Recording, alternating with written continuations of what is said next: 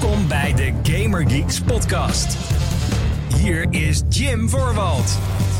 Hallo mede Gaming Geeks, wat leuk dat je luistert naar de Gaming Geeks podcast, de talkshow van GamingGeeks.nl, waarin ik en soms een andere geek je graag bijpraten over alles wat er gaan is in en rondom de gaming-industrie.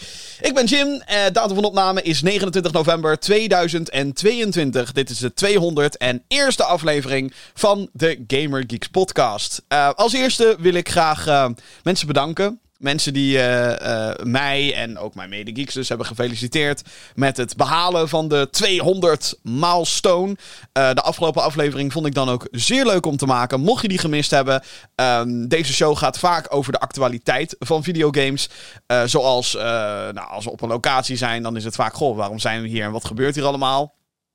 Uh, maar um, de 200ste aflevering is wat meer evergreen, zoals ze dat dan noemen. Um, Vincent en ik bespreken daar vijf games die ons met elkaar verbinden. Uh, dus games die we vroeger samen hebben gespeeld, of waar we, die we vroeger hebben gespeeld en het heel veel met elkaar over hebben gehad, of games die we elkaar hebben aangeraden. Vijf titels waar we best wel heel erg uitgebreid op ingaan. Um, dus ga dat checken via uh, de verschillende wegen waar je deze podcast kan beluisteren. Dat kan dan andere via je favoriete podcast-app, zoals bijvoorbeeld een Apple Podcast of een Google Podcast of uh, Castbox of, of Spotify is er natuurlijk ook. Abonneer dan op deze show als je dit enigszins leuk vindt, want nou ja, dan krijg je de nieuwe aflevering meteen in je uh, podcast feed krijgen die binnen. En kan je meteen beluisteren. En dat helpt mij dan ook weer. Het, liefde voor iedereen en elkaar. Maar wil je er liever video bij hebben? Dat kan. Dat kan via youtube.com slash gamergeeksnl. En ook tegenwoordig op Spotify. Afgelopen aflevering heb ik daarmee geëxperimenteerd. Uh, ik zag dat die functie op kwam poppen. En toen dacht ik, nou ja, voor de 200ste wil ik wel een poging wagen. Kijken of het werkt. En het werkt. Ik kan uh, naar mezelf kijken op Spotify. maar jij kan dus ook naar mij kijken op Spotify. En ik ga ervan uit dat deze aflevering dus ook gewoon met video en al op, op die diensten terecht kan komen. Dus dat is... Um, Althans, dat vind ik dan weer helemaal te gek. Dat dat, uh, dat, dat kan. Extra functie erbij. Luisteren kan natuurlijk ook gewoon op Spotify. Je kan gewoon de videofeed kan je uitzetten. Maar uh, super chill vind ik dat. Over uh, video's gesproken. ik noemde het al even. YouTube.com slash GamerGeeksNL. Dat is het YouTube kanaal van ehm, eh, gamer geeks van dit hele gebeuren. Daar posten we meer dan alleen de videoversie van deze podcast. Uh, zo heb ik de afgelopen paar weken wel echt wat content uh, gemaakt. Um, zoals een paar reviews. Ik heb Warhammer 40k Shooters Blood and Teeth heb ik besproken. Als je denkt, Jim, wat is dat voor game? Nooit van gehoord. Het is een indie game waarvan ik echt hoopte dat die heel erg goed zou zijn. Maar het is een van de slechtste Switch games ooit geworden. Spoilers. Maar ga dat checken. Ik heb ook de Saints Row Reboot heb ik gereviewd. Die een paar maanden geleden uitkwam. Oei, oei, oei. Uh, Jeppie, Jesper, uh, mede-geek die je vaak in deze show hoort, die uh, heeft de Steam Deck onder handen genomen. de handheld computer, zo kan je het wel zeggen, van, van Steam. Heeft hij een paar maanden geleden ook gehaald. En heeft daar voor- en nadelen bij, bij het apparaat. Zet hij allemaal voor je op een rij, zodat jij weet of jij misschien ook wel een Steam Deck moet halen of niet. En ik heb op het moment van opnemen gisteren een video geüpload over twee jaar PlayStation 5. De current gen consoles zijn dus al twee jaar onder ons. Hoe gaat het met PlayStation? Wat moeten ze doen? Wat is er allemaal gebeurd het afgelopen jaar? Uh, dat zet ik allemaal op een rij. Plus, ik kijk naar de fysieke games die ik het afgelopen jaar heb gekocht. En uh, ik heb die video even zitten terugkijken. Ik zeg even, maar het is een 40 minuten lang durende video. Uh, maar even doorheen geskipt. Toen dacht ik wel, oh Jim, je hebt weer veel te veel games gekocht. dit jaar. Uh, die allemaal nog gesealed zijn. Maar ga dat allemaal checken. YouTube.com slash GamerGeeksNL. Uh, de reacties erop zijn ook weer heel leuk. Dus dank daarvoor. Bedankt, bedankt, bedankt, bedankt, bedankt. Um, en blijf ons dus supporten. Want nou ja, hoe meer zielen, hoe meer vreugd bij dit soort shows. Hoe meer leuke dingen we voor elkaar kunnen krijgen. En hoe, ook hoe leuker deze show dan kan worden. Voor deze aflevering zit ik weer in mijn eentje op, een, op mijn zolderkamer. Mijn thuisstudio noem ik het graag. Ja, ik bedoel, er staat een lamp en er staat een microfoon en er staat een klein mengtafeltje waar ik een beetje met, met, met, mijn geluid kan klooien. Um, dat uh, is dan mijn studio. En een computer. is ook wel handig. Dat is mijn studio. Uh, tijdje geleden sinds dat ik vanaf deze plek een, een podcast heb opgenomen. In mijn eentje ook. De afgelopen, nou ja, pak een beet sowieso zes afleveringen, denk ik. Zaten we op locatie vanaf Gamescom, op eh, Gameforce, op eh DreamHack Rotterdam. Met Vincent in een café dus voor de, voor de 200ste. Dus het voelt weer een beetje onwennig om eh, hier in mijn eentje te zitten tegen jou te praten. Maar dat komt vanzelf goed, want het onderwerp van vandaag is eentje die denk ik het meest efficiënt is om op deze manier te doen. Het onderwerp van vandaag. Nou, je hebt de titel waarschijnlijk al gezien van deze show. Maar dat is de Game Award. Het einde van het jaar nadert. En dus worden alle beste games van het jaar weer op een rijtje gezet. Ik zelf ben er nog niet echt over uit wat dan mijn Game of the Year wordt. Ik heb het idee dat ik nog veel te veel games moet spelen. Of verder moet spelen. Die in mijn straatje liggen. Waarvan ik denk, nou, dat kan ook potentieel hè, mijn favoriete game van het jaar zijn. Of niet. Of, eh, nou ja, die kan hoog eindigen of niet. Ehm, dus ik kan zelf nog niet echt een evaluatie geven van het gehele jaar. We hebben ook nog een maand te gaan. Ehm, maar de Game Awards komen er wel aan. eh, op het moment van opnemen. Volgende week gaan de Game Awards plaatsvinden. En daar worden dan beeldjes uitgedeeld aan allerlei gamebedrijven. Wordt al jaren georganiseerd door Jeff Keighley. Maar daar ga ik zo meteen op terugkomen. Want eerst is er een mailtje. Heb jij een vraag voor de show? Nou. Mail naar podcast.gamergeeks.nl Als je vragen hebt voor de show of iets anders dan eh, eh, klachten of whatever, kan je dat dus kwijt via podcast.gaminggeeks.nl. Podcast.gaminggeeks.nl, dat is belangrijk, want Mailbox minigame. er is zowaar een mailbox minigame ingestuurd. Dit gebeurt wel vaker, dat eh, luisteraars van de show een quiz of iets anders van een, nou wat lijkt op een podcast minigame insturen. Vind ik ontzettend leuk. Eh, ik heb dit mailtje niet uitgebreid onder handen genomen. Ik heb wel eh, een klapblok erbij en een pen. Want ik zag wel dat het iets met een quiz was. En iets met Bioshock. Dus hm, ik, eh, ik, ik, zet me, ik zet me al helemaal schrap. Het is een mailtje van Nick. Die zegt: Hey Gamer Geeks, van harte gefeliciteerd met de 200ste. Ah, dankjewel. 200ste podcast. Als felicitatie geef ik jullie de kans om iets vets te. Oh, wat is dit nou weer? Iets vets te winnen. Ik weet dat jullie een soort game marathon gaan houden voor de twee. Ja, de games die eh, mij en Vincent verbinden. Eh, dus als jullie nog quizzen doen, wellicht voor aflevering 201. Nou, hallo. Nick die zegt: Ik ben groot fan van Bioshock en ik weet dat Jim dit ook is. Dat klopt. Nu heb ik een uitdaging voor jullie. 10 best wel pittige vragen over Bioshock met de focus op alles wat met Rapture te maken heeft. Dus ook de Infinite DLC. De uitdaging is als volgt. Alle aanwezige geeks mogen meedoen. Nou, ik dus. Eh, sorry. Dit had ik misschien beter moeten voorbereiden. Eh, maar dat mag ook individueel gespeeld worden. Oh, godzijdank. Oké. Bij 1 geek minimaal 6 vragen goed. Bij 2 geeks minimaal 7 vragen goed. Bij 3 plus geeks minimaal 8 vragen goed. De prijs is een custom-made Gamer Geeks Cross Bioshock artwork. Oh. Het waarde van ongeveer 150 euro. Wat het precies inhoudt, geef ik nog niet vrij. Wow. Maar moeten we deze dan niet gewoon aan de community weggeven? Ik, ik ben heel benieuwd. Er zit ook geen afbeelding bij of wat dan ook. Wow. Ik ben benieuwd. En Gamer Geeks Cross Bioshock artwork, hoe werkt dat? Ik ben... Ah, shit. Ik wil hier meer over weten. Oké. Maar goed. Eh, hieronder de vragen. Eh, niet vals spelen. Succes. Nou, ik heb niet vals gespeeld, want ik ben... ik had alleen gezien quiz, quiz en Bioshock zag ik veel staan. Dus ik ging er eigenlijk al vanuit dat dat, dat, dat, dat ging worden. Ehm jeetje, ik ben een beetje van mijn apropos hier eh, door, voor, voor, eh, door dit. Ik bedoel, ik vind het leuk. Maar, eh, oké. Ehm, de Bioshock quiz. Daar gaan we.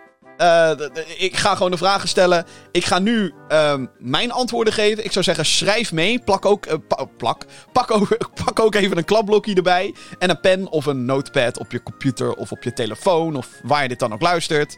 En schrijf mee. Want aan het einde van deze show ga ik de antwoorden geven. Eh, want die zullen ook ongetwijfeld... In, even kijken. Ja, ja, ja, ja. Dus de antwoorden zitten erbij. Oké. Eh, de Bioshock quiz. Vraag 1. Bioshock speelt zich af in de futuristische onderwaterstad Rapture. 14 jaar na begin constructie van deze stad komt de main antagonist van de eerste game aan in Rapture. In welk jaar is de constructie van Rapture begonnen? Oh, wacht, moet even, even. Vraag 1 is dit. Zijn mijn antwoorden ook even op. Eh, in welk jaar is de constructie van Rapture begonnen? Antwoord A. 1825. B. 1946. C. 1960. Of D. 1740. Dit zijn jaartallen, natuurlijk. Ehm Oké, ehm dat is denk ik B. Want de game Bioshock speelt zich af in de jaren 60. Dus volgens mij ook inderdaad, die begint, vindt plaats in 1960. Antwoord B is 1946, sorry. Dus dat zou dan het meest logische antwoord zijn. Ik ga voor antwoord B. Maar wat jij opschrijft moet je zelf weten. Uh, vraag 2. In Rapture zijn meerdere bedrijven gehuisvest. Welk bedrijf of bedrijven horen hier niet tussen? A. Sinclair Solutions. B. Fink Manufacturing. C. Ryan Industries. D. Fontaine Futuristics. Of E. Al deze bedrijven zijn onderdeel van Rapture. Hmm. Hmm. Um, B is, uh, uh, hoort er niet bij. Fink uh, zit namelijk in Infinite. Dat is Columbia. Sinclair zit in 2, Bioshock 2. Ryan Industries en Fontaine zitten allebei in deel 1 ook al. Vraag 3. In de oudere versies van Bioshock zaten vijf plasmids die de officiële versie nooit gehaald hebben. Welk van de volgende zeven plasmids zat wel in de originele game? Meerdere antwoorden zijn mogelijk. Let op, dus welke van deze plasmids zaten wel in de originele Bioshock? A. Oh, wacht even. Vraag 3. Oké. A. Aggressor irritant. Oké. B. Sanctuary. C. Teleportation. D. Target dummy. E. Parasitic healing. F. Electrobolt. Of G. Speed booster. Ik weet niet waarom, ik moet dat altijd in een Arnold Schwarzenegger... Speed booster, come on. Um, welke van deze plasmids zat dus wel in de game? Dat zijn D. Target Dummy en F. Electrobolt. Ik heb nog nooit van Aggressor Irritant gehoord. Teleportation lijkt me dusdanig broken voor speedrunning. Ik weet dat uh, tele telekinese wordt in speedrunning heel veel gebruikt. Dat, ze, uh, dat heb je in, in Bioshock, first person shooter. Dan kan je objecten oppakken. En wat ze dan doen is dat ze objecten oppakken en onder hun zetten. En daardoor kunnen ze de hele tijd omhoog gaan en de game sequence breken. Dus dat ze al plekken kunnen komen waar ze nog niet behoren te zijn. Volgens de progressie, speedrunning. En ik denk dat als teleportation in de game zat, dat ze dat nog veel meer zouden abusen. En dat heb ik nog nooit gezien. Dus. Ja. Ja, ja, ja, ja, ja. Oké, vraag 4. Adam is de resource die genetisch DNA kan veranderen. En wat als basis dient voor plasmids. Wat is de herkomst van Adam in Bioshock? A. Zeeslakken rondom Rapture. B. Opgewekt door Little Sisters. Of C. Ontwikkeld door Dr. Tenenbaum in een laboratorium. De oorsprong zijn, denk ik, de zeeslakken. Vraag 5. Wat is in essentie de oorzaak voor de ondergang van Rapture? A. Splicing van de inwoners door overmatig plasmidgebruik. B. Geen handhaving door Andrew Ryan zijn ideologie. C. Tekort aan voedsel. D. Een burgeroorlog tussen de volgers van Atlas en Andrew Ryan door het klassenverschil. Eh. allemaal? er staat hier niet bij dat meerdere antwoorden mogelijk zijn. Ik denk, het is een burgeroorlog. Uiteindelijk. Ik denk D. De ondergang is. Ja, de ondergang dat alles naar de kloten gaat, is de burgeroorlog. Geloof ik. Vraag 6. Deze weet ik dus niet zeker. Spannend. Vraag 6. Bioshock 2 speelt zich uh, af acht jaar na de events van Bioshock 1. Wie heeft nu de leiding in Rapture? Dus wie heeft de leiding uh, over Rapture in Bioshock 2? Is dat A. Sophia Lam? B. Atlas? C. Niemand heeft de leiding? Of D. August Augustus Sinclair? Dat is A. Althans, zij beweert dat ze controle heeft over Rapture. Zij, is de, zij was een politieke vijand van Andrew Ryan ooit. Vraag 7. Terug in Rapture, Burial at Sea DLC. Wie wordt bedoeld met The Ace in the Hole? Zo, je moet wel echt diehard Bioshock fan zijn, wil je dit allemaal snappen. A. Plasmids. B. Big Daddy. C. Jack. D. The Fink Particle. Deze is easy. Dit is, dit is Jack. Dit is Jack. Vraag 8. We zijn er bijna hoor, jongens. Uh, vraag 8. Welke characters heb je interactie mee van de originele Bioshock tijdens de Burial at Sea DLC? Jezus, spoilers. Meerdere antwoorden mogelijk. A. Frank Fontaine. B. Augustus Sinclair. C. Brigitte Tenenbaum. D. Jack A. Sander Cohen. F. Yi Suchong. G. Peach Wilkins. Jezus. H. Sasha Gray. I. Andrew Ryan. Tering. Uh, dan moet ik heel erg in mijn geheugen gaan. Uh... Ik denk sowieso E. E. Ehm ik denk E en I. Voor de rest zou ik het eigenlijk niet weten. Te lang geleden sinds dat ik die DLC gespeeld heb. Oké, eh, vraag 9. Er zijn vijf typen Big Daddies te vinden in Rapture. Welke van deze vijf is de iconische Big Daddy die te zien is op de cover van Bioshock 1? Zo. Eh, is dat A. Rosie, B. Alpha Series, C. Rumbler, D. Lancer of E. E. Sorry. Bouncer. Even kijken, dat is die big guy. Die big guy met die drillboor. Uh, en dat is geloof ik de Bouncer. Zo heet hij. Dus eerder weet je hoe de verschillende Big Daddy types heten. Is dat de Bouncer? Is de Bouncer juist die... Uh, met die granaten? Als het granaten bouncer. Ik heb geen idee. Ik zeg gewoon de bouncer. Vraag 10, laatste vraag. Andrew Ryan zijn befaamde quote luidt? Vraagteken. In the end, what separates a man from a slave? Money? Power? No. A man chooses and a slave. Open vraag. Ga hem opschrijven. Obeys. Dat zijn mijn, mijn antwoorden althans. De daadwerkelijke antwoorden. Uh, ga je zo meteen horen uh, later in deze podcast. Eerlijk, kritisch en direct. Dit is de Gamer Geeks podcast. Gaan we nu naar de main event van deze show, namelijk de Game Awards. Op 8 december worden de Game Awards gehouden.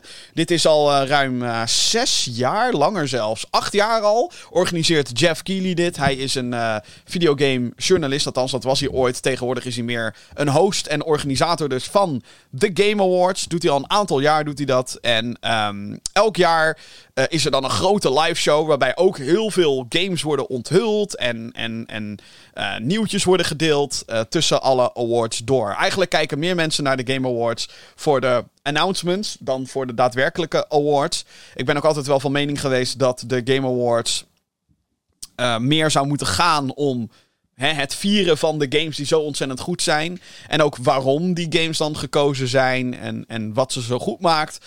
Uh, maar uh, dat wordt niet echt uh, gedaan. Het gaat meer om. oh ja, ja, we hebben een nieuwe world premiere. En oh, hier is een commercial break. Want dit soort shit moet betaald worden. maar het is wel altijd iets om naar uit te kijken. Bijvoorbeeld de Xbox Series X werd voor het eerst onthuld tijdens de Game Awards. Een paar jaar terug. Dus er is wel wat nieuwswaarde daar. Maar vandaag ga ik het niet hebben over welke mogelijke aankondigingen. Nee, ik ga het met jou hebben over de awards zelf.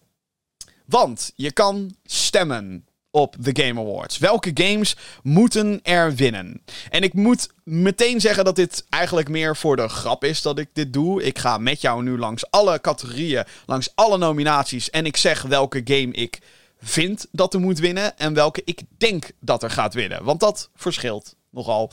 Uh, althans, bij sommige categorieën zal dat ongetwijfeld uh, verschillen.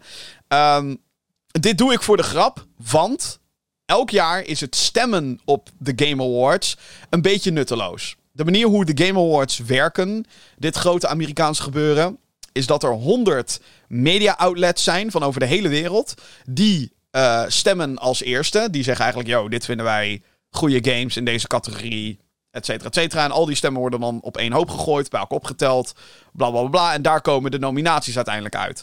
Um, het is natuurlijk ook een beetje um, vaag dat. Hè, op dit moment is het 29 november. Er komen nog een aantal belangrijke games uit die kans zouden moeten hebben op een award. Uh, ik denk dat de Callisto Protocol bijvoorbeeld er daar eentje van kan zijn. Ik denk dat High on Life nog een grote kans maakt of zou maken op een award. Maar er is dus een soort uh, datum waarop er niks meer ingestuurd mag worden. Waarop games niet meer mogen meedoen. En er is zeker één game waarvan ik denk... Oei, die is echt nog maar net uit. Um, Oké. Okay. ideaal zou zijn wat mij betreft... is als ze de Game Awards in januari zouden houden... in plaats van 8 december. Want dan heb je nog een hele maand te gaan in een jaar. Maar goed, de games die nu niet mee mogen doen, omdat ze te laat tussen aanhalingstekens uitkomen, die zouden dan volgend jaar mee mogen doen. Maar dat is heel erg kut, want die worden meestal vergeten.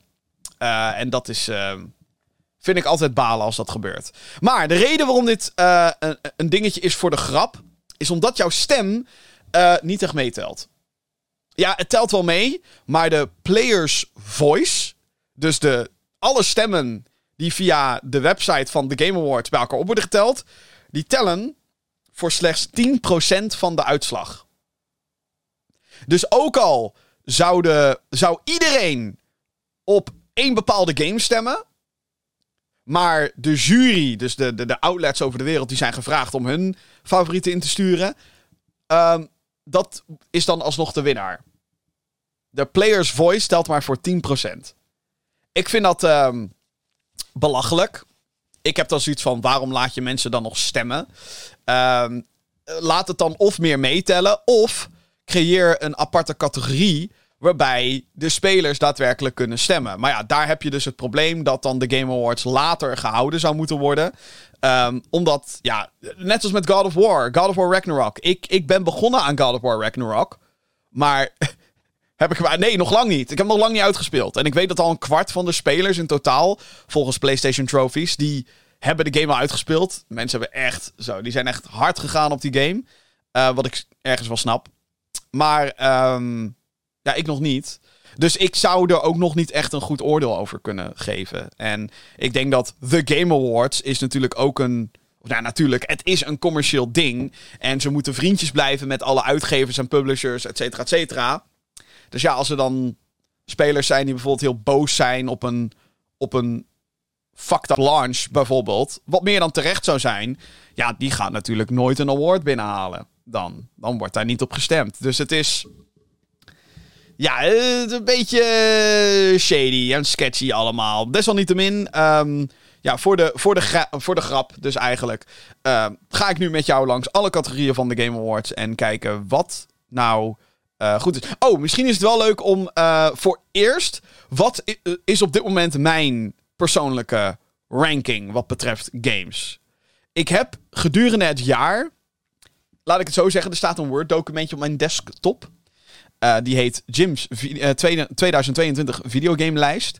En daar heb ik elke keer de games gerankt waarvan ik soort van of ik ben er klaar mee of ik heb het uitgespeeld. Um, of ik kan al soort van zeggen wat ik ervan vind. Um, die heb ik allemaal op een rijtje gezet. En die lijst bestaat op dit moment nog maar uit 19 games. Daar moeten er echt nog wel wat meer bij komen. Maar sommige games moet ik gewoon nog wat meer spelen voordat ik ze in deze lijst kan zetten. Op dit moment staat bij mij mijn top 3 is als volgt. Dus als ik nu een Game of the Year uit zou moeten kiezen, dan zou dat voor mij op dit moment nogmaals. Ik heb God of War nog niet genoeg gespeeld. bijvoorbeeld. Um, op 3 staat bij mij Pokémon Legends Arceus. Pokémon Scarlet en Violet heb ik dus ook nog uh, amper niet gespeeld. Um, op nummer 2 staat bij mij Cultic. En op nummer 1 op dit moment staat bij mij Horizon Forbidden West. En helemaal onderaan staat bij mij Warhammer 40.000, Shoot Us Blood and Teeth en Saints Row. En daarna Rainbow Six Extraction. Dus Warhammer is dan de slechtste en de andere zijn dan iets minder slecht, in mijn opinie. Dus dat is een beetje, dan weet je een beetje waar ik vandaan kom. En um, ja, dat. Laten we beginnen met de eerste paar eh, categorieën. En dat zijn categorieën waar ik helemaal niks mee kan. Ik kan daar echt helemaal niks mee. Um, Het is echt kloten dit. De eSports Awards. Er zijn een aantal beeldjes die worden uitgedeeld aan e-sports categorieën. Uh, dus professioneel gaming. Ik uh, heb daar niet heel veel mee. Ik um, volg niet echt een bepaalde e-sport. En ook al zou ik wel één bepaalde e-sport volgen. Het probleem met de eSports Awards elk jaar is dat het over algemeen e-sports gaat. Dus uh, of je nou Rocket League volgt, of je volgt League of Legends esports, of, of Call of Duty esports, of Counter-Strike, whatever. Nee, je moet alles volgen, want elk van deze categorieën hebben, of die kunnen meedoen aan deze awards. Terwijl, dat is net zoiets als dat je zegt, joh, wat is het beste sporttoernooi van het afgelopen jaar? Is dat voetbal, hockey of zwemmen? Ja, kan je zwemmen echt vergelijken met hockey en voetbal? Weird. Maar goed, uh, best esports event. Um, de eerste categorie waar we het over gaan hebben. Recognizing an event across single or multiple days that deliver the best of class experience for participants and the broadcast audience. Ik heb er uh, geen eentje van de genomineerden heb ik gezien. De genomineerden zijn Valorant Champions 2022, uh, de 2022 Mid-Season Invitational. Tuurlijk, welke game is dat? Geen idee. De PLG Major Antwerp 2022. Geen idee waar dat over gaat. Ik denk CSGO. Uh, de 2022 League of Legends World Championship. Of EVO 2022. Dat is een fighting game event. Nou, daar ga ik dan voor. Geen idee wat, uh, wat het verder is. Dan gaan we naar Best Esports Coach. Hier kan ik dus helemaal niks mee. Hoe kan ik nou weten wie de beste esports coach is? En dan ook nog eens gedeeld over verschillende games nogmaals. Dus hier staan een aantal mensen. Bijvoorbeeld Go, Score, Dang Bing. Genji, League of Legends. Oh ja. Ik speel geen League of Legends. I don't fucking care. Het is echt... Ik, ik, whatever. Ik uh, sla, deze categorie over. Um, best esports team. Oké, de LA Thieves die Call of Duty spelen. Loud Valorant. Gen G die League of Legends spelen. Ik kan hier zo, ik kan hier zo helemaal niks mee. Waardeloze categorieën zijn dit. Echt compleet waardeloos. Ik kan, ik kan hier niks mee. Ik volg al die shit niet, doei. Best esports athlete. Same. Uh, staat hier iemand tussen die je ken? Nee. Dat zijn mensen die dan in een team zitten en die dan weer een bepaald spel spelen. Nogmaals, kan je een League of Legends speler echt vergelijken met een Valorant speler? Of een CSGO speler? Of een Nee. Hm. CSGO en Valorant zou je misschien nog met elkaar kunnen vergelijken. Want dat zijn allebei competitieve first-person shooters.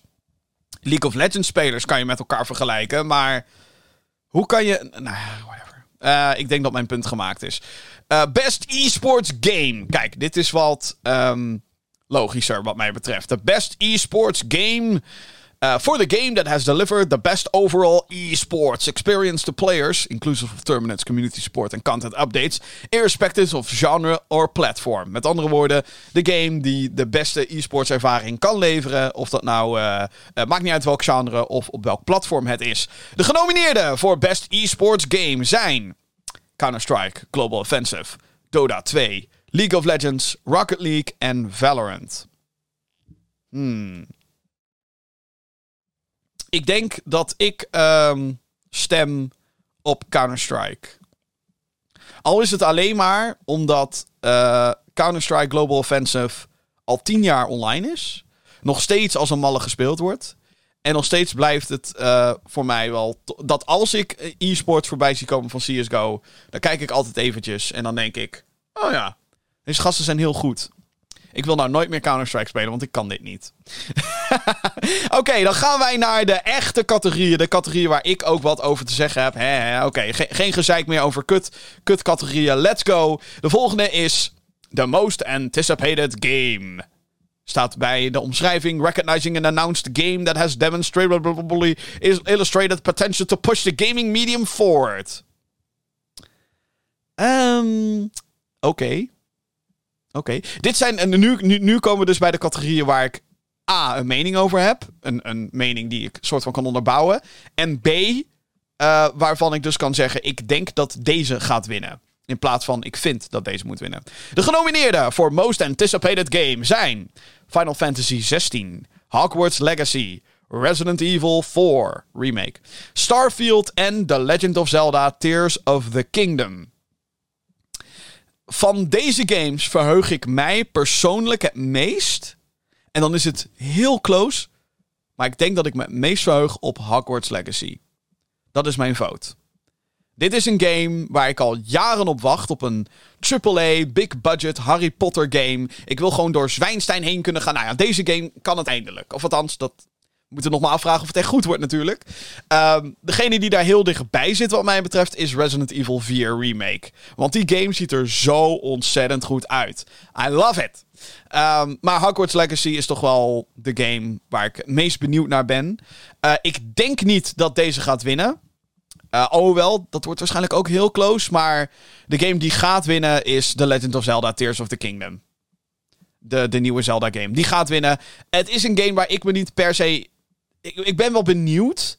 Maar ik, ik vond Breath of the Wild niet zo baanbrekend goed. En misschien moet ik Breath of the Wild nog een keer spelen. Waar ga ik die tijd vandaan halen? Geen idee. Maar ehm, ja, ik, ik, ik, ik vond Breath of the Wild niet... Ik vond het wel vet. De andere richting van Zelda games vond ik ook cool, maar ik vond het zo... Ik vond het niet uh, belonend genoeg. Uh, als ik een hele berg opklom, dan dacht ik, oh, ik zie daar iets. En eh, ging, was ik echt een uur bezig om die berg te beklimmen. En wat krijg je dan? Een zwaard uit een kist. Een zwaard die binnen vijf slagen kapot gaat. Want dat is hoe het wapensysteem werkt in Breath of the Wild. Ai. Volgende categorie is Best Adaptation. Dit is volgens mij een nieuwe een nieuwe uh, categorie. Want, uh, wat is best adaptation? Uh, best adaptation. Recognizing outstanding creative work that faithfully and authentically adapts a video game to another entertainment medium. Met andere woorden, beste televisieserie slash film gebaseerd op games. Vind ik tof dat deze categorie uh, nu dusdanig groot is dat we vijf genomineerden kunnen hebben. De genomineerden zijn Arcane, League of Legends, de Netflix-serie. Uh, Cyberpunk, Edge Runners, de Netflix-anime. The Cuphead Show, wederom Netflix, wederom geanimeerd. Sonic the Hedgehog 2, de film met onder andere Jim Carrey. En Uncharted, de film met Tom Holland en Mark Wahlberg als Nathan Drake en Sully, respectively. Um, ik vind het lastig om te voorspellen welke gaat winnen. Mijn favoriet, en ik moet me een beetje kapot schamen. Um, ik heb de tweede Sonic film nog niet gezien. Jim, hoe durf? Ja, ik weet het. Uh, maar ik heb hem nog niet gezien. Slecht, hè? Echt heel slecht. Echt wel een keer doen. Want ik vond de eerste Sonic film heel vermakelijk. Mijn verwachtingen waren heel laag voor de eerste Sonic film. En die vond ik echt heel goed. Maar ja, ik kan de tweede niet beoordelen, want niet gezien. Uh, dus ik kan daar niet op stemmen. Uncharted, de film. Ik vond het ook vermakelijk. Ik, ik vind Tom Holland alsnog niet echt passen als Nathan Drake. Mark Wahlberg als Sully al helemaal niet.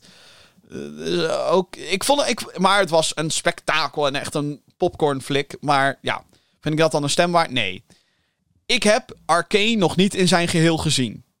Ik heb drie afleveringen gezien van Arcane, de League of Legends serie. En heel eerlijk, ik vond die drie afleveringen geniaal. Dus dat is waar mijn stem naartoe gaat. Arcane was geweldig. Of althans, de eerste drie episodes. Uh, en ik hoor, ik hoor continu van, van mensen: je moet dat afkijken, je moet het afkijken. Welke ik denk dat gaat winnen. Dus mijn stem gaat naar Arcane. Maar wat ik denk dat gaat winnen is Cyberpunk Edge Runners. Ik heb niks anders gehoord dan lovende kritieken. Maar Arcane zou het ook net zo goed kunnen worden. Dus of Arcane of Cyberpunk gaat deze uh, categorie naar binnen halen. Dan gaan we naar Best Debut Indie. Voor de Best Debut Game Created by a New Independent Studio. Dus de eerste titel van een uh, indie studio. Of de game dan zelf indie is, is nog maar de vraag. Want, um, nou ja, uh, volgens mij zijn al deze, bijna al deze games zijn uitgegeven door een uitgever. Dus dan ben je in die zin niet meer independent. Dan ben je afhankelijk van je uitgever, maar whatever. De genomineerden voor Best Debut Indie Game zijn Neon White, Norco, Stray, Tunic en Vampire Survivors. Uh, ik heb geen van deze games gespeeld. dus ik moet een uh, soort van uitgaan met wat mij het tofste lijkt. Mij lijkt het tofste Neon White. Maar niet gespeeld. Dus een, uh, een oordeel kan ik niet geven. Welke ik denk dat gaat winnen? Stray. Oh, alhoewel, Tunic werd ook heel goed ontvangen. Stray of Tunic gaat denk ik winnen. Dan Content Creator of the Year. For a streamer or content creator who has made an important and positive impact on the community in 2022. Ja, uh, dit is ook weer zo'n gevalletje. Uh, je moet mensen maar kennen, of niet. Uh, ik denk dat dit voornamelijk gaat over streamers. Ik ben iemand die meer uh, ik, ik kijk een paar streamers op, op Twitch en YouTube heel loyaal. Uh, ik vind Linden FPS vind ik, uh, heel grappig. Ik vind Dr. Disrespect vind ik heel leuk. Ik vind Shroud, af en toe staren naar Shroud vind ik leuk. Um, en daar blijft het eigenlijk ook wel een beetje bij. Zo nu en dan klik ik wat rond om te kijken wie ik, wie ik leuk vind. Um, Carl Jacobs is genomineerd. Dat is volgens mij een YouTuber. Ludwig is een streamer, dat weet ik wel. Nibellion is ge- genomineerd. Dat is een Twitter-account. Nobru is uh, genomineerd. Geen idee wie dat is. En QT Cinderella is ook genomineerd. Geen idee wie dat is. Um, ik, ik ga stemmen op Nibellion. Um, hij had een Twitter-account. Ja, het is ook wel een beetje raar dat deze man genomineerd is. En ik zal je vertellen waarom. Nibel, of was een Twitter-account die echt als een van de eerste gaming nieuws deelde. Dat was gewoon van, oh hey, dit is er aan de hand. En heel veel mensen volgden hem op Twitter uh, als zijnde, oh ja, ik wil gewoon het laatste gaming nieuws weten. Dan moet je hem hebben. En dat was altijd heel um, vaak met een link naar een persbericht of naar een officiële website of naar een storepage of whatever. Uh, en zijn tweets waren altijd heel ja, compact, maar wel met de juiste informatie. Um, en het was echt confirmed nieuws. En als het een rumor was, dan stond dat er ook heel duidelijk bij, of een leak of whatever. Um, deze man is gestopt met zijn Twitter-account. Hij had eerder dit jaar had hij een Patreon opgezet, dus een crowdfunding uh, pagina. En dat was niet een heel groot succes. En ik snap wel waarom, want mensen zijn nog of gewoonweg niet gewend om te zeggen: Oh hé, hey, jij hebt een leuk Twitter-account, daar heb ik geld voor over. Zo werkt het niet. Twitter wordt veel meer gebruikt als een, een, een gateway naar andere type content. Ik gebruik Twitter ook om bijvoorbeeld te roepen: hey jongens, er is een nieuwe aflevering van de Gamer Geeks podcast. Of hey, ik ben weer op de radio, kom luisteren. En ook om verder uh, korte meningen te delen die uh, geen video waard zijn of een podcast waard zijn of whatever. Um, ik denk dat heel veel mensen Twitter op die manier zien. Of om nieuws te krijgen. Dat je, dat, dat, dat je een headline ziet van weet ik veel, Hogwarts Legacy delayed again. Dit is niet waar, maar... En dan een link. En dan wil je, de, als je de details wil weten, dan klik je op de link en dan dat. Dat is Twitter. Het is een soort deur naar meer. Of je houdt het daarbij en dan hou je het lekker compact, want dat is Twitter. Uh, zijn Patreon faalde, als in hij kreeg amper mensen die bereid waren om hem te betalen. Uh, en daarnaast was er ook nog eens het ding dat Elon Musk Twitter had overgenomen. En toen had hij zoiets van, nou ja, weet je, ik heb er eigenlijk gewoon geen zin meer in. Ik stop ermee. Dus dat is waarom Nibellion genomineerd is. Heel veel mensen hebben zoiets van, oh kut, ik ga hem nu wel, ik ga dit account oprecht missen. Dus uh, we gaan hem nomineren. Um, het voelt bijna als een soort poging om hem weer terug te krijgen. Maar het is wel echt de enige die ik ken van deze vijf. Dus daarom stem ik erop. Ik denk dat Ludwig, want ik hoor wel, ik hoor veel over Ludwig. Dus die zou ook zomaar kunnen winnen. Maar dit is zo'n categorie waar ik uh, niet heel veel vanaf weet. Omdat ik die mensen niet volg. Ja, dat is weer zo'n geval dat je moet hem maar net kennen. Is natuurlijk altijd met games. Volgende categorie, dat is weer een videogame categorie, gelukkig. Best Multiplayer. For outstanding online multiplayer gameplay and design, including co-op and massively multiplayer experiences, irrespective of game genre or platform. Ja, ik denk dat met best multiplayer is alles al gezegd. De genomineerden zijn... Call of Duty Modern Warfare 2. Oké. Multiversus.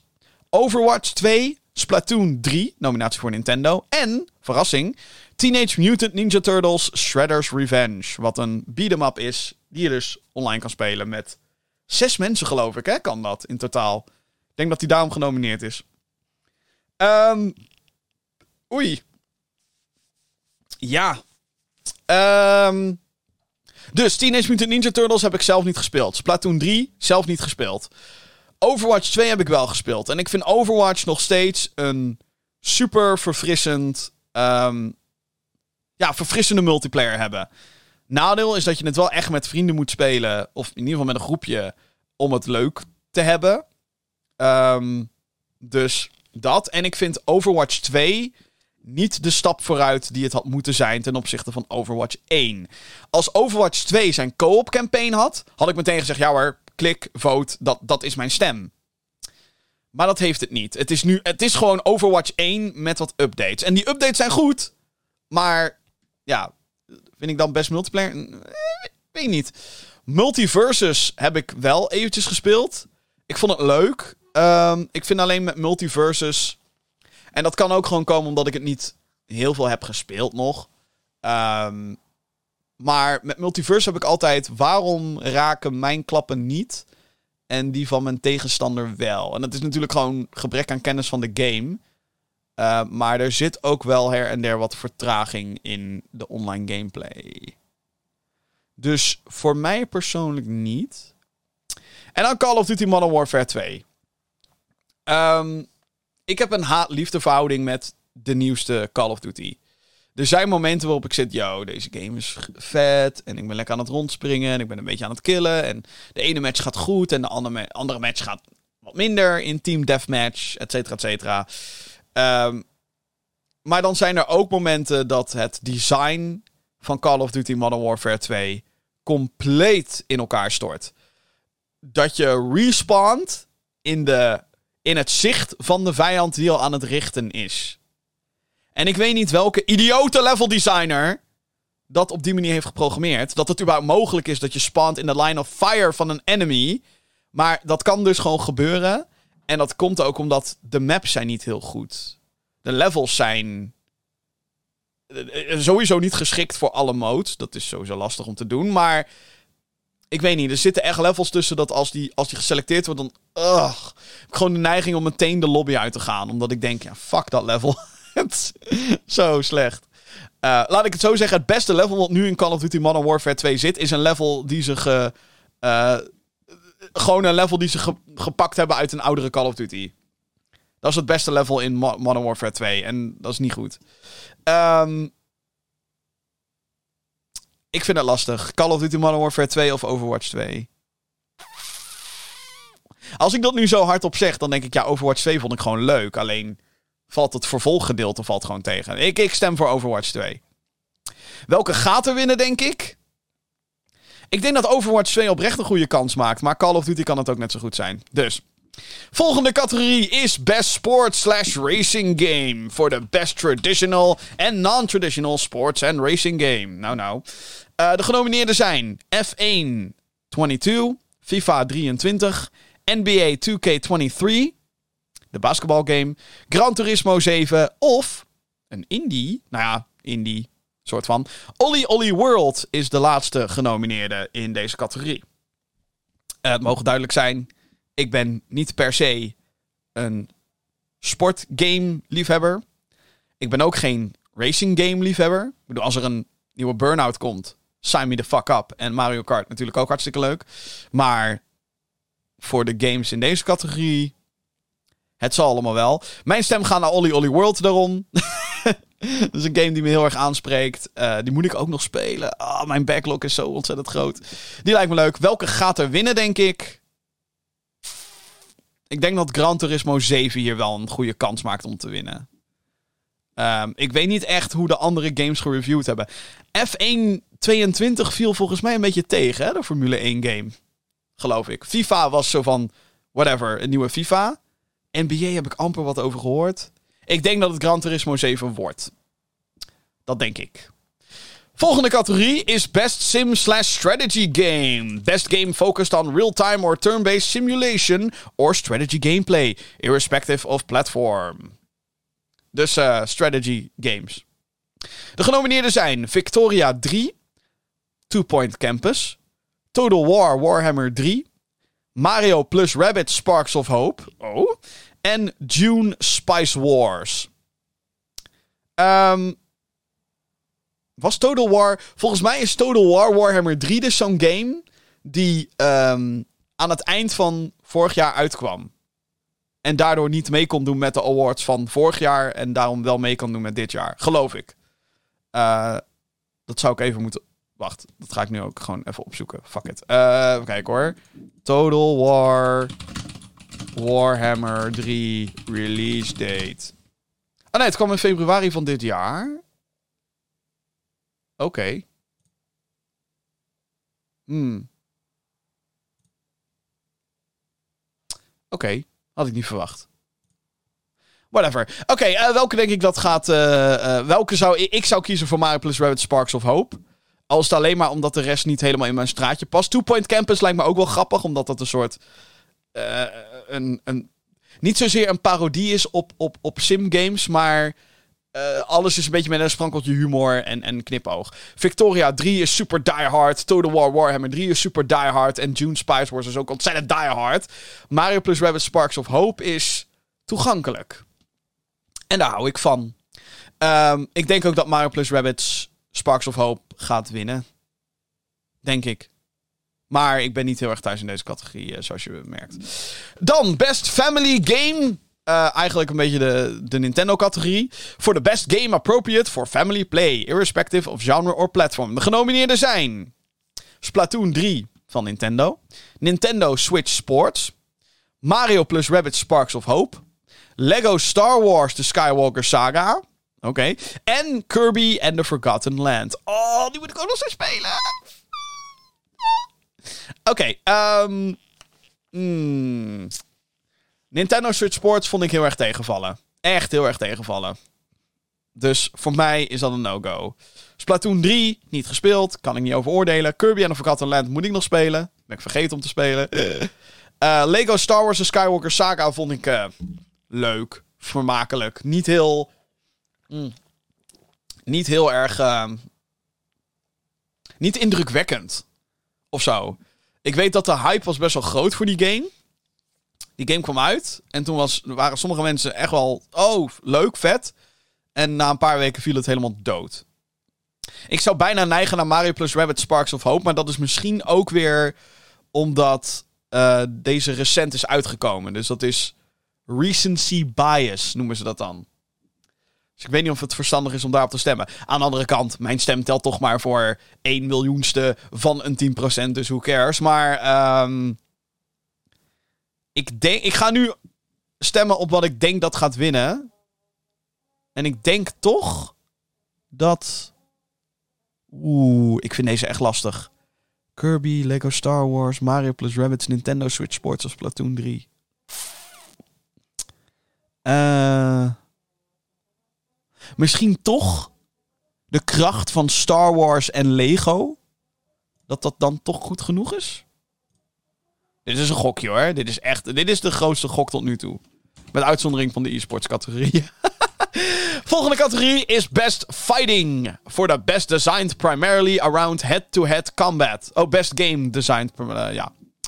Best Fighting Game. Um, de genomineerden zijn DNF Duel. JoJo's Bizarre Adventure All-Star Battle R. The King of Fighters 15. Multiversus of Sifu.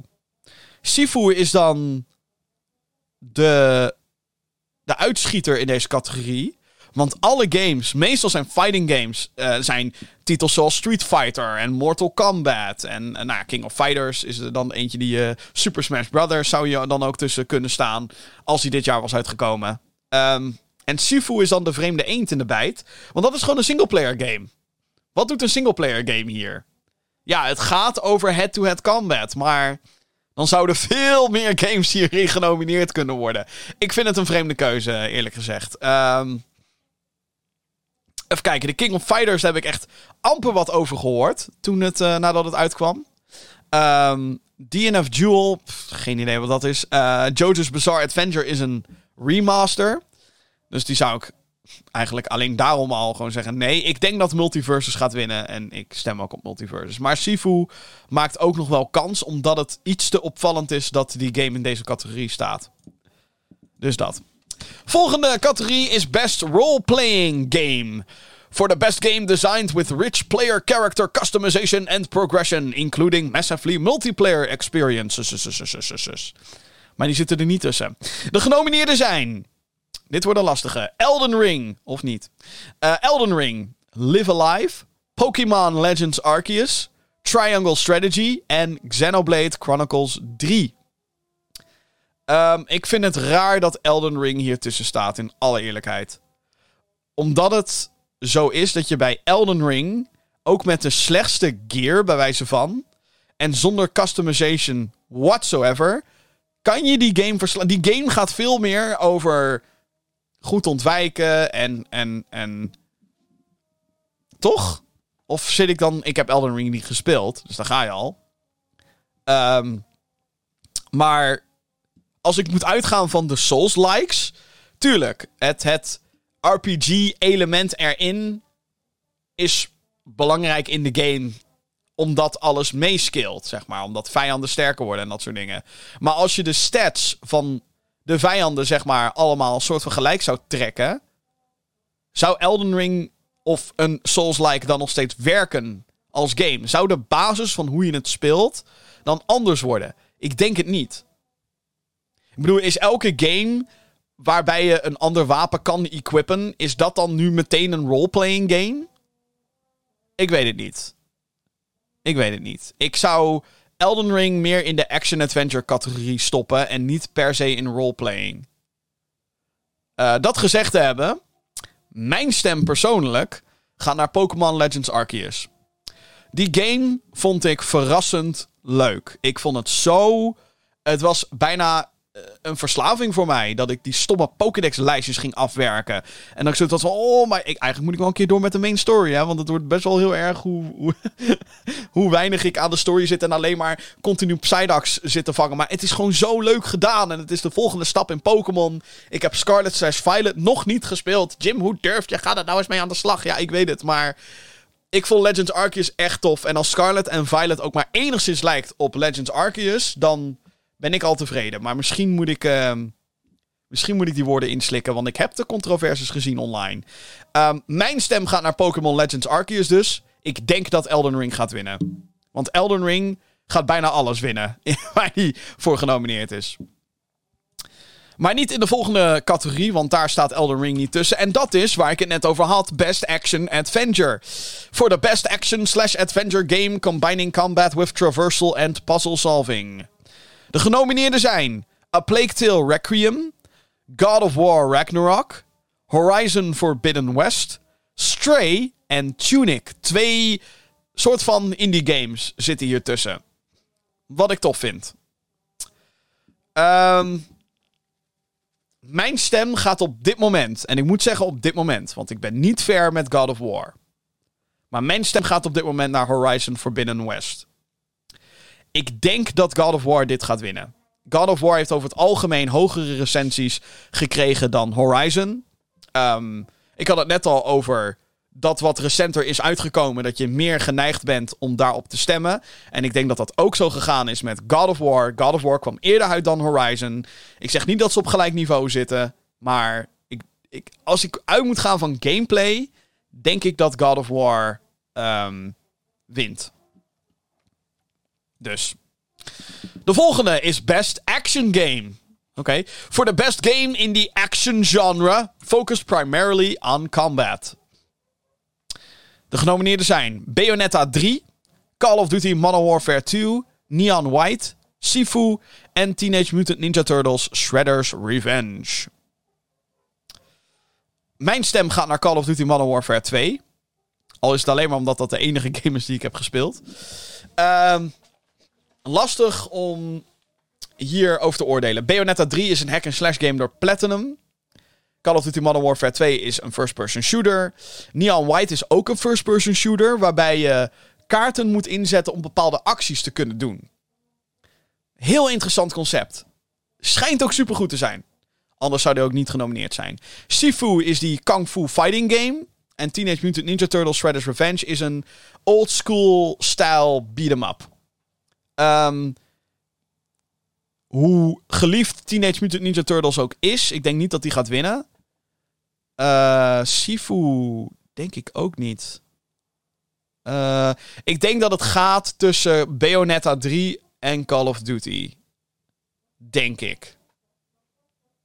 Maar het zou me ook niet verbazen als Sifu deze pakt. Als soort van, nee, kijk. Indies maken ook kans op de grote categorieën. Maar ja, uh, dat, ja, dat. De volgende categorie is interessant. Best VR slash AR voor de best game experience playable in virtual or augmented reality, irrespective of platform. De genomineerden zijn Red Matter 2, Moss Book 2, Bone Lab, Among Us VR en After the Fall. After the Fall, de laatste, is een first-person shooter gemaakt door Nederlandse Vertigo Games. Yay! Um, ik heb dit jaar alleen VR gespeeld op evenementen. en eentje die ik heb gespeeld is After the Fall. Dus daar gaat mijn stem naar. Welke gaat winnen? Ik denk Massbook 2 niet en Red Matter 2 ook niet. Ik denk dat dat Bone Lab wordt. Bone Lab is echt wel, eh, van wat ik heb gezien en gehoord, is dat echt wel de volgende stap. Among Us zou ook heel goed kunnen winnen, omdat het Among Us is. Maar dan in VR. Maar of dat dan goed genoeg is, de tijd zal het uitwijzen. De volgende categorie is Innovation in Accessibility. Ah, Deze wordt lastig om uit te leggen. Uh, recognizing software and or hardware that is pushing the medium forward by adding features, technology and content to help games be played and enjoyed by an even wider audience. Oftewel, functies die ervoor zorgen dat uh, meer mensen ervan kunnen genieten, ongeacht skill of uh, handicap. Dat kan ook, dat je bijvoorbeeld niet heel goed tegen te veel gedetailleerde objecten op een scherm kan. Um, dan worden bepaalde dingen simpeler weergeven. Of met meer kleuren, kleurcodes, dat het duidelijker is. Nou, dat soort functies zitten eh, in steeds meer games. En dat wordt toegejuicht. En dat snap ik. De genomineerden zijn As Dusk Falls, God of War Ragnarok, Return to Monkey Island, The Last of Us Part 1 en The Quarry. The Quarry is een horror game. The Last of Us Part 1 is een remake van het legendarische The Last was, een van de beste games ooit gemaakt. Return to Monkey Island is een adventure game. Nou, God of War is uh, action adventure hack and slash.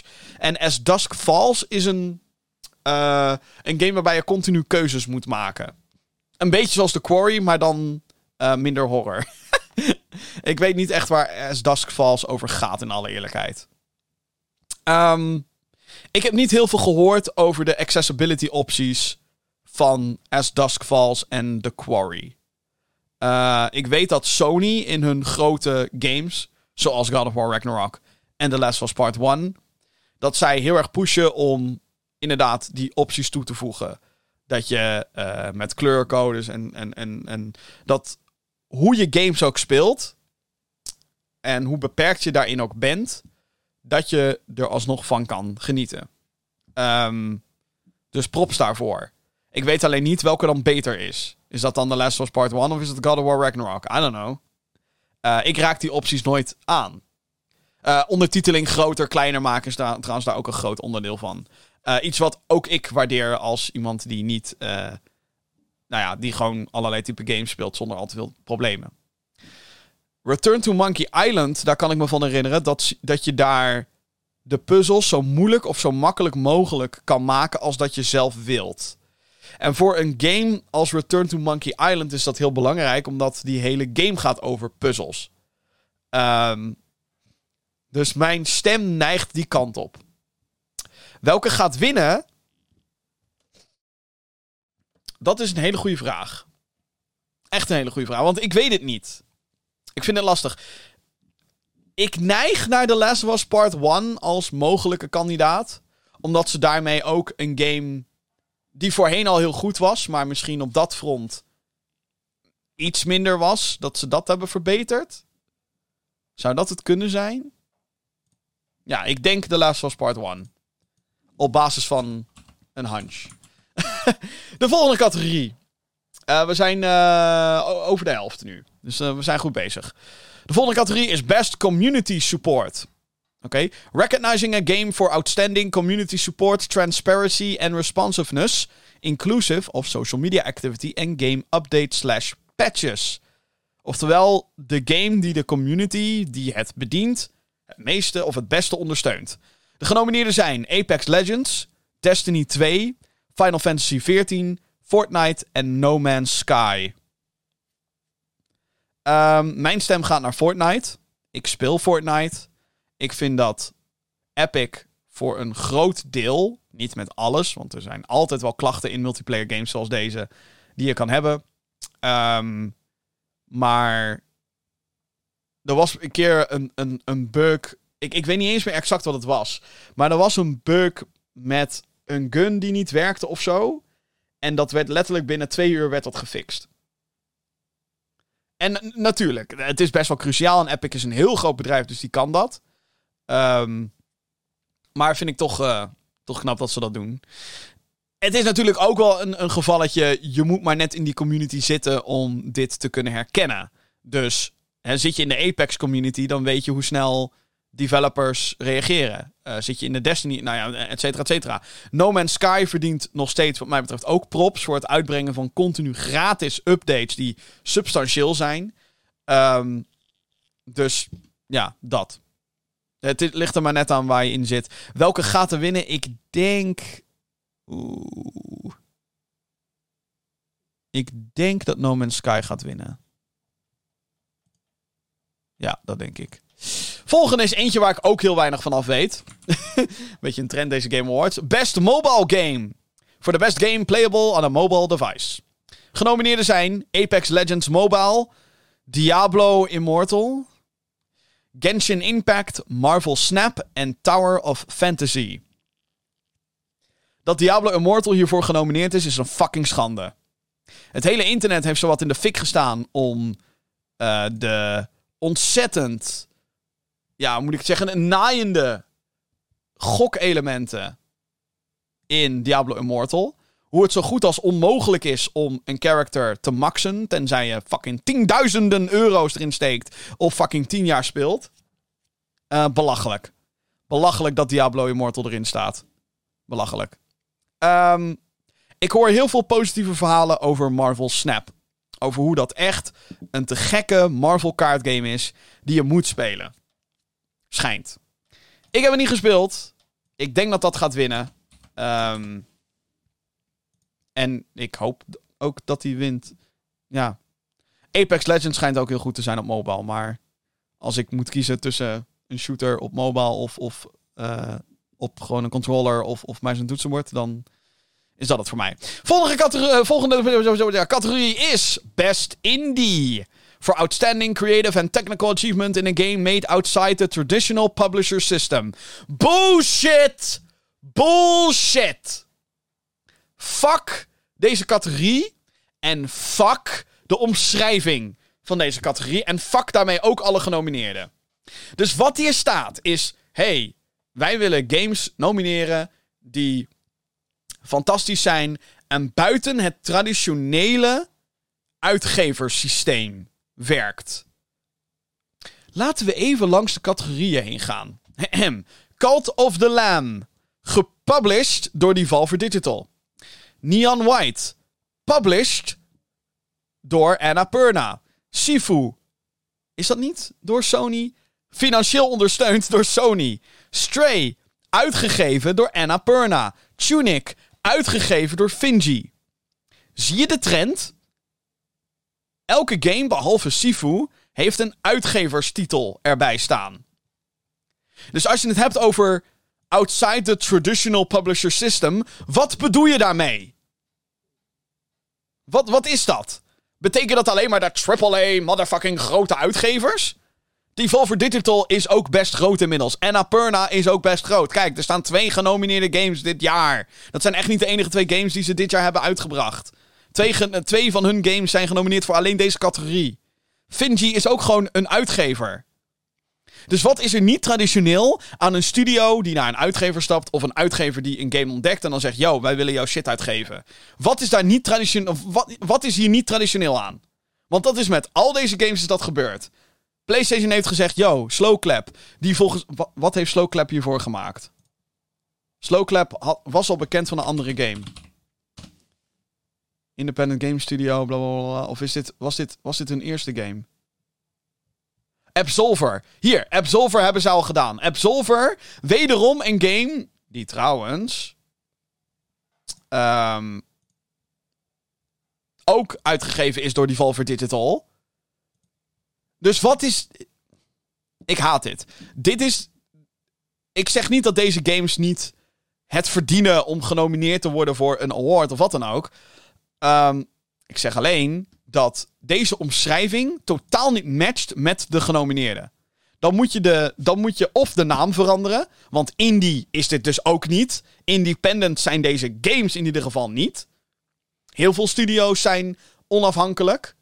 Die hebben alleen deals met uitgevers. Dat kan. Maar niet elke grote studio. Ja, het is gewoon onzin. het is bullshit. een soort van gatenkaas, deze, deze, de, deze categorie. Anyway. Uh, laten we dan maar gaan naar de games in kwestie. Mijn stem gaat naar Cult of the Lamb. Ik denk dat Stray, de kattengame, die gaat winnen. Stray is die... eh, ja, die, die, die, die, die, game met de kat. Als je gewoon zoekt cat with game en dan misschien PlayStation erachter op Google, dan vind je hem. Maar ik vind Cult of the Lamb unieker. eh, ziet er toffer uit. Ik heb geen van deze games gespeeld. Geen van de genomineerden. Eh, Cult of the Lamb is er eentje die ik echt nog wil doen. Maar ja, dat geldt voor heel veel games. De backlog is veel te groot. Mm. Sorry hoor. Even een rant. Volgende categorie. Is eentje die eigenlijk te veel lijkt op Best Community Support. Want de volgende categorie is Best Ongoing. Awarded to a game for outstanding development of ongoing content that evolves the player experience over time. Dus volgens mij zijn alle genomineerden hier ook, ook genomineerd voor Best Community Support. Of daar bijna allemaal. Er zit één, No Man's Sky staat hier niet tussen en een andere wel. Ik kan me alleen even niet herinneren welke het is. Maar eh, whatever. De genomineerden zijn voor Best Ongoing Apex Legends, Destiny 2, Final Fantasy XIV, Fortnite en Genshin Impact. Mijn stem gaat naar Fortnite. Ik vind eh, Fortnite is de beste live service game op dit moment. Ze hebben ook het grootste team, dus het is een beetje oneerlijk. Maar echt, hoe vaker wel eh, weer een, een, een ander wapen in zit. Of een ander item die de gameplay net even wat transformeert. Of dat ze weer een paar veranderingen doen aan de map. Of er komt er weer een event waardoor je weer eh, eh, wat, net wat anders een match in kan gaan. Hoeft niet per se. Ik vind het te gek. Het is echt. Er gebeurt zoveel in Fortnite. Als je twee weken niet speelt, kan het zo, zomaar zijn dat er. wow, wat? Hè? dat er gewoon iets anders is in de game. En ehm, dat kan frustrerend zijn, maar dat is, het houdt de game continu fresh. En daar hou ik van. Eh, gaat Fortnite ook winnen? Ik denk dat die kans best wel aanwezig is. Ja, ik denk dat Fortnite ook gaat winnen. Misschien ben ik nu erg blind door mijn eigen mening, maar dat denk ik. Volgende categorie is Games for Impact. For a thought-provoking game with a pro-social meaning or messa- message. Nee, message. Dus een game met emotie waar ehm, een, ehm, nou ja, een, een boodschap achter zit. De genomineerden zijn A Memoir Blue, As Dusk Falls, Citizen Sleeper, Endling, Extinction is Forever, Hindsight en I Was a Teenage Exocolonist. Als jij nu eh, de podcast zit te luisteren en je zit met fronsende wenkbrauwen naar je speler te kijken, je podcast afspeelapparaat. En je denkt, wat de fuck is dit allemaal? Eh, ik heb exact hetzelfde. Ik zou het niet weten. Geen van deze games gespeeld. Zeer weinig gehoord van al deze games. Eh, als hier een Life is Strange game tussen had gestaan, was mijn stem eh, best makkelijk te kiezen. Ik denk dat As Dusk Falls gaat winnen en daar stem ik dan ook maar op. Want dat is een game die had de ondersteuning van Xbox. Is een paar keer geshowcased door Xbox. Ge- gepublished door Xbox, zie ik nu ook zelfs. Xbox Game Studios. Ehm, dus ik denk dat de meeste mensen deze gespeeld hebben. En de meeste pers ook. Want ik kan me bijna niet voorstellen dat 100 outlets over de hele wereld alle genomineerden überhaupt hebben aangeraakt. Dit is waarschijnlijk een categorie dat de meesten dachten: ik geen idee wat ik hiervoor moet kiezen. Dus eh, logisch.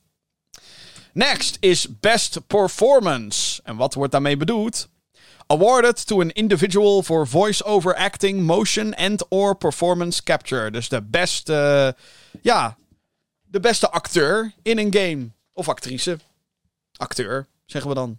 Genomineerden zijn Ashley Birch voor haar rol in Horizon Forbidden West als Aloy. Er staat trouwens niet bij welke rol deze mensen gespeeld hebben, dus ik moet het maar gokken.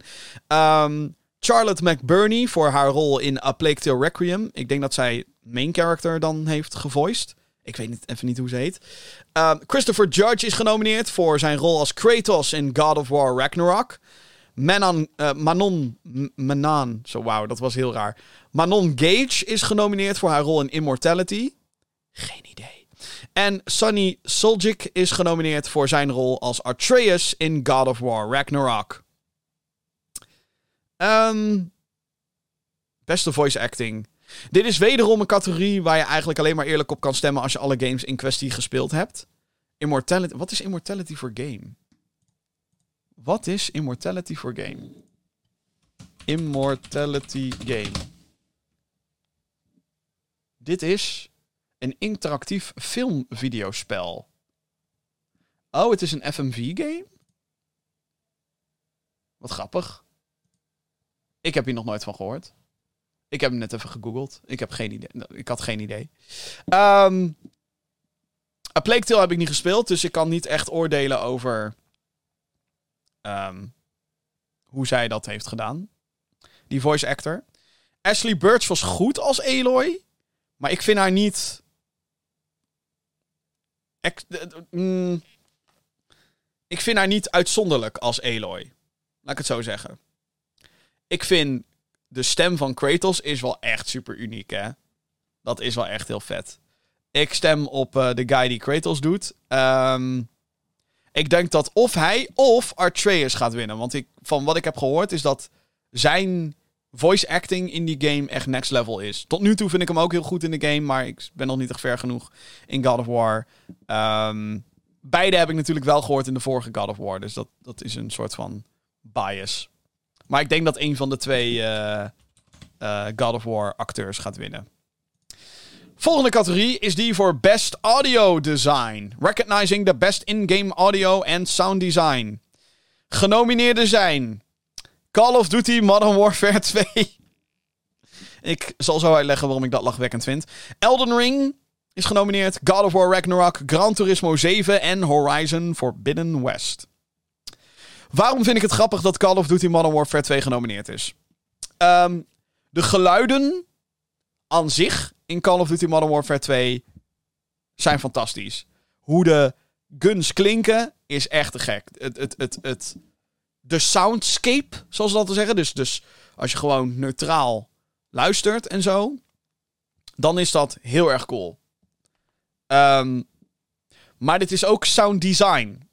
En in Call of Duty is het zo dat voetstappen horen heel belangrijk is. En wat hoor je heel vaak niet, terwijl je dat zou moeten horen? Voetstappen in de game. Ze hebben dat nog steeds niet gefixt in deze fucking game. Nog steeds niet. Of je hoort maar één set voetstappen, terwijl er drie man op je afkomen. Sprintend op een stalen trap. Maar nee, die hoor je niet. Nee, die hoor je niet. Bullshit!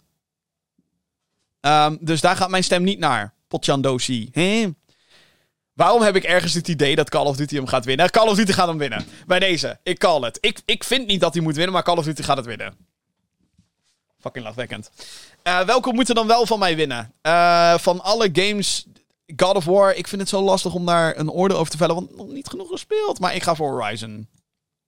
Prachtige muziek. Uh, de, de, de, het geluid van al die beesten en zo en de atmosfeer in die game is wel heel erg goed gedaan. Dus uh, props, props, props. Volgende is uh, Game Award. Is Best Score and Music. For Outstanding Music, inclusive of score, original song and or licensed soundtrack. Beste muziek. Genomineerden zijn A Plague Tale Requiem, Elden Ring, God of War Ragnarok, Metal Hellsinger en Xenoblade Chronicles 3. Mijn stem gaat naar Metal Hellsinger. Uh, dat is namelijk een uh, metal soundtrack. En de hele game draait om meespelen op het ritme van de muziek. Het is een shooter.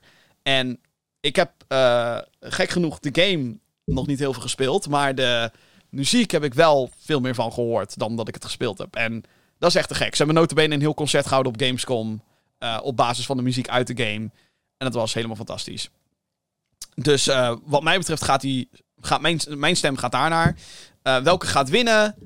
Uh, mm, ik denk dat of Elden Ring of God of War deze pakt. Maar ik zou het heel tof vinden als Metal Hellsinger deze pakt. Maar ik vind dit lastig, want ik heb de soundtracks van de andere genomineerden niet gehoord. Dan gaan we naar Best Art Direction. Kan je ook vertalen naar beste graphics.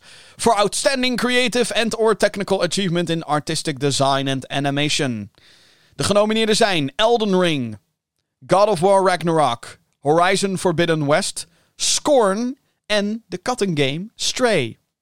Scorn is een uh, first-person. Ik mag het geen shooter noemen als ik de recensies mag geloven. Het is een puzzelspel waarin echt alles um, de alien-achtige uh, constructies heeft. Prometheus, die films. Uh, maar dan keer tien. Het is fucking creepy. Eh, wat mij betreft wint Scorn dan ook.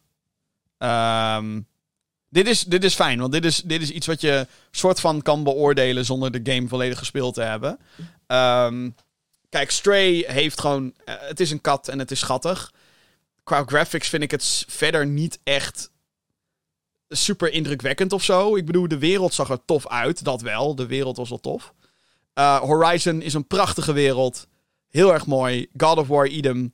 Elden Ring, daar twijfel ik een beetje over. Ik bedoel, de, ook bij Elden Ring is de schaal vooral heel indrukwekkend. Maar misschien zit ik dan te veel in mijn hoofd met dat het ook een PS4-game is. Maar goed, dat is God of War en Horizon en Stray ook allemaal. Dus een rare conclusie. die ik de- Ik, ik spreek mezelf heel veel tegen, merk ik vandaag. Maar, ehm ja, eh, Scorn is dan mijn stem. Gaat hij winnen? Ja, denk het wel. Maar Horizon en God of War kunnen ook net zo goed winnen, want die zijn beide ook de hemel ingeprezen, dus waarom niet? Volgende categorie, we zijn er bijna, nog met drie categorieën te gaan. Best Narrative. Voor outstanding storytelling en narrative development in een videogame. Dus het beste verhaal of de manier hoe dat verteld wordt.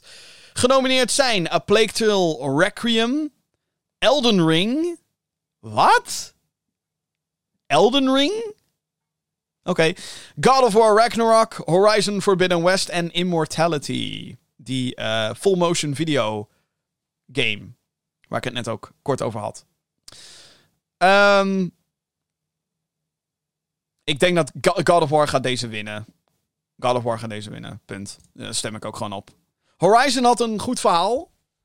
Maar ehm, ja, Horizon is gewoon zo'n type game die niet echt. Oeh, sorry. Niet heel veel type. Ik stoot even tegen iets aan. Die niet echt heel veel type twists en turns kan hebben. En ik denk dat dat bij God of War wel het geval is. En ik vind tot nu toe ook de verhaalvertelling van God of War indrukwekkend. Dus A Plague Tale maakt denk ik ook wel kans hierop. En als Elden Ring deze wint, dan sorry. Kijk, Elden Ring heeft toffe lore. En alles is heel erg vaag in Elden Ring. Zoals bij elke Souls-like. Daar de personages die je tegenkomt, die spreken in super cryptische taal. Oh, the mother, she is watching us all. Let her eye burn the sun for all eternity. Dat, zei, dat is dialoog in elke fucking Souls-like game. Ik verzon letterlijk net maar wat episch klinkende woorden bij elkaar. Maar ehm, ja, ik, ik snap niet hoe Elden Ring hierin genomineerd is eigenlijk. Ik bedoel, het is een toffe game en het heeft vage, toffe lore, maar best narrative. Van alle games die zijn uitgekomen dit jaar, really? Oké. Whatever. Jim, heb jij dan een game die een beter verhaal heeft? Nou, eh, laat me even kijken. Naar mijn eigen lijstje. Ja, ik bedoel, Ghostwire Tokyo had ook niet het meest baanbrekende verhaal, maar wel goed gedaan. Vond ik. Wel interessant. Is dat dan een Game Award waardig? Nee. Maar ja, dat is ook bij Elden Ring niet zo. Vind ik. Vind ik. Niet gespeeld, hè, verder. Maar dus alles is een beetje oordelen op, eh, op basis van wat ik heb gezien her en der. Maar ja, wat je anders, hè. Eén na laatste categorie. Best Game Direction. Ik heb dit altijd een rare categorie gevonden. Eh, de omschrijving, de officiële omschrijving is... Awarded for outstanding creative vision and innovation in game direction, direction and design. Eh, Oké. het is eigenlijk een soort van... Hey, eh, net niet Game of the Year award is dit. En ik snap het niet helemaal. Ehm, ja. Dat. Het, het, het is ook... Meestal is het zo dat de, dat de meesten eh, genomineerden voor Game of the Year zijn ook genomineerd voor Best Game Direction. Want dat is soort van aan elkaar gelineerd vaak. Een game zonder outstanding creative vision en innovation is vaak ook Game of the Year waardig. Dus het is raar. De genomineerden voor Best Game Direction zijn in ieder geval Elden Ring, God of War Ragnarok, Horizon Forbidden West, Immortality en Stray. Ehm, mijn stem gaat naar God of War Ragnarok. Eh, ik denk dat God of War Ragnarok het gaat winnen of Elden Ring. En ik denk dat God of War deze gaat pakken. zodat ze God of War, zeg maar, een hele prestigieuze award kunnen geven. Maar niet de award. En dat is de Game of the Year Award. De laatste categorie van deze show en van de Game Awards van dit jaar. Game of the Year, de officiële omschrijving is... Recognizing a game that delivers the absolute best experience ac across all creative and technical fields. De genomineerden zijn A Plague Tale Requiem, Elden Ring, God of War Ragnarok, Horizon Forbidden West, Stray en Xenoblade Chronicles 3. Dit zijn de zes games die volgens de jury, de wereldwijde pers, uh, het waard zijn om Game of the Year te worden. Op dit moment is mijn Game of the Year Horizon Forbidden West. Ik vind de game fantastisch. Uh, veel content, veel te doen, zit een tof verhaal in. Lijkt wel heel erg op de eerste, maar goed, wat, wat wil je? Het is een Horizon vervolg. En ik was verbaasd over hoe een game die ook nog steeds op de PlayStation 4 verschijnt, uh, hoe goed dat eruit kan zien op een PS5 in performance mode. Uh, dus props naar Guerrilla Games, props naar PlayStation voor een fantastische game in Horizon. Gaat God of War Ragnarok mijn favoriete game van het jaar worden? Dat is nog even afwachten, want ik moet nog verder spelen. De game die ik denk dat gaat winnen is ongetwijfeld, zonder enige twijfel, Elden Ring. Elden Ring is een game waar iedereen het over heeft gehad. Het kwam uit en het hele internet kon gezamenlijk zijn bek niet houden over Elden Ring. Heel lullig voor Horizon, want die kwam in dezelfde week uit. dat is echt heel lullig. Ga je, oh ja, Horizon is ook. Ja, maar Elden Ring. Iedereen had het over Elden Ring. Zoals Elden Ring niet Game of the Year pakt, dan, dan, weet ik niet wat ik ga doen. Ik ga niet beloftes maken als mijn schoen opeten, want dan zul je maar net zien dat God of War hem alsnog bakt. Maar um, de, de, het, eh, de buzz die Elden Ring heeft gekregen, de, de, de, de, de positieve geluiden, hoe goed het allemaal wel niet is. En dat is eigenlijk het hele jaar is dat doorgeappt. En ook nu aan het einde van het jaar, als je dan die, die titel ziet, Elden Ring. Het kan bijna niet anders dan dat die Game of the Year gaat winnen. En het nog maar afwachten uh, wat het dan daadwerkelijk gaat worden. Game of the Year, Elden Ring. Ik denk dat dat wel uh, een paar maanden geleden was dat al meer dan duidelijk. Dus dat zijn alle genomineerden. Dat zijn alle categorieën van de Game Awards. Uh, op 8 december is de show. Uh, voor ons is dat technisch gezien 9 december, want het is in de avond van 8 december in Amerika. Dus het is tering laat allemaal. Ik ga het wel livestreamen. Um, dus um, het wordt spannend. Maar ja, wat vooral spannend wordt zijn de aankondigingen daar. Mailbox Minigame. En voordat we naar het einde gaan van deze aflevering van de Gaming Geeks podcast... Eerst nog de antwoorden van de Mailbox Minigame. Nick, had een Bioshock quiz ingestuurd. Eerder in deze show heb ik, uh, ben ik met jou door de vragen heen gegaan. Heb ik mijn antwoorden gegeven. En nu komen de antwoorden. Antwoord 1 is B. Bioshock 1 speelt zich af in 1960. De bouw van Ratchet startte in 1946. Had ik goed. Antwoord 2. B. Fink is een zakenman gevestigd in Columbia, niet Rapture. Had ik ook goed. Ja.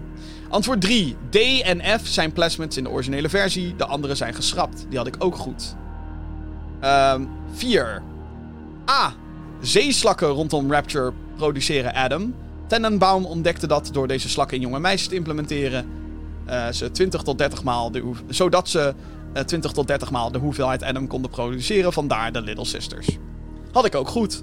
Wauw, dat zijn al vier antwoorden op een rij goed. Nice. Antwoord 5. D. Staat geen omschrijving verder bij. Had ik ook goed. Wauw. Vraag 6. A. Sophia heerst over Rapture met haar eigen collectieve ideologie. Ook goed. Ik heb, uh, volgens mij heb ik tot nu toe alles goed. vraag 7. C. Jack is Andrew Ryan zijn ace... Zo. Jack is Andrew Ryan zijn ace in the hole. De guy uit deel 1.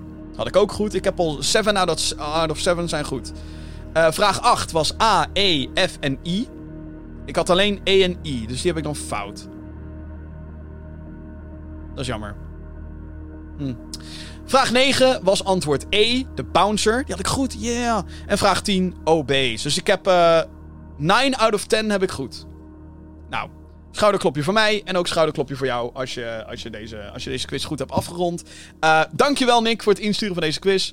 Hartstikke tof. En daarmee zijn we aan het einde gekomen van deze 201ste aflevering van de Gamer Geeks podcast. Ik wil je hartelijk bedanken voor uh, het luisteren natuurlijk. Uh, mocht je deze show dus leuk vinden, abonneer via je favoriete podcastdienst. Check de show in zijn videoversie op YouTube, dan wel Spotify. Vergeet natuurlijk niet het YouTube kanaal te checken voor uh, meer videocontent. Ik ben ook nog bezig met meer videocontent. Zoals een Gotham Knights review ben ik mee bezig. Ik ben op dit moment ook Evil West aan het spelen. Maar het zou zomaar kunnen dat ik daar volgende week wat uh, impressies over geef. Uh, of ik wacht totdat de Game Awards zijn geweest en dat we dan langs alle aankondigingen gaan op de Game Awards. Als dat er genoeg spannende dingen zijn. Zou ook kunnen. Anyway, hou de feeds in de gaten voor de volgende aflevering van de Gaming Geeks podcast. Die er dus gaat komen. En binnenkort. Uh, nogmaals, hartstikke bedankt voor het luisteren naar deze 201ste aflevering van de Gaming Geeks podcast. Uh, mailtjes trouwens uh, kunnen gestuurd worden naar podcast.gamergeeks.nl. mocht je dan niet weten. Heb jij een vraag voor de show? Zeker. Mail naar podcast.gamergeeks.nl Yes. Uh, bedankt, bedankt, bedankt, bedankt, bedankt, bedankt voor het luisteren en je support. En heel graag tot een volgende keer.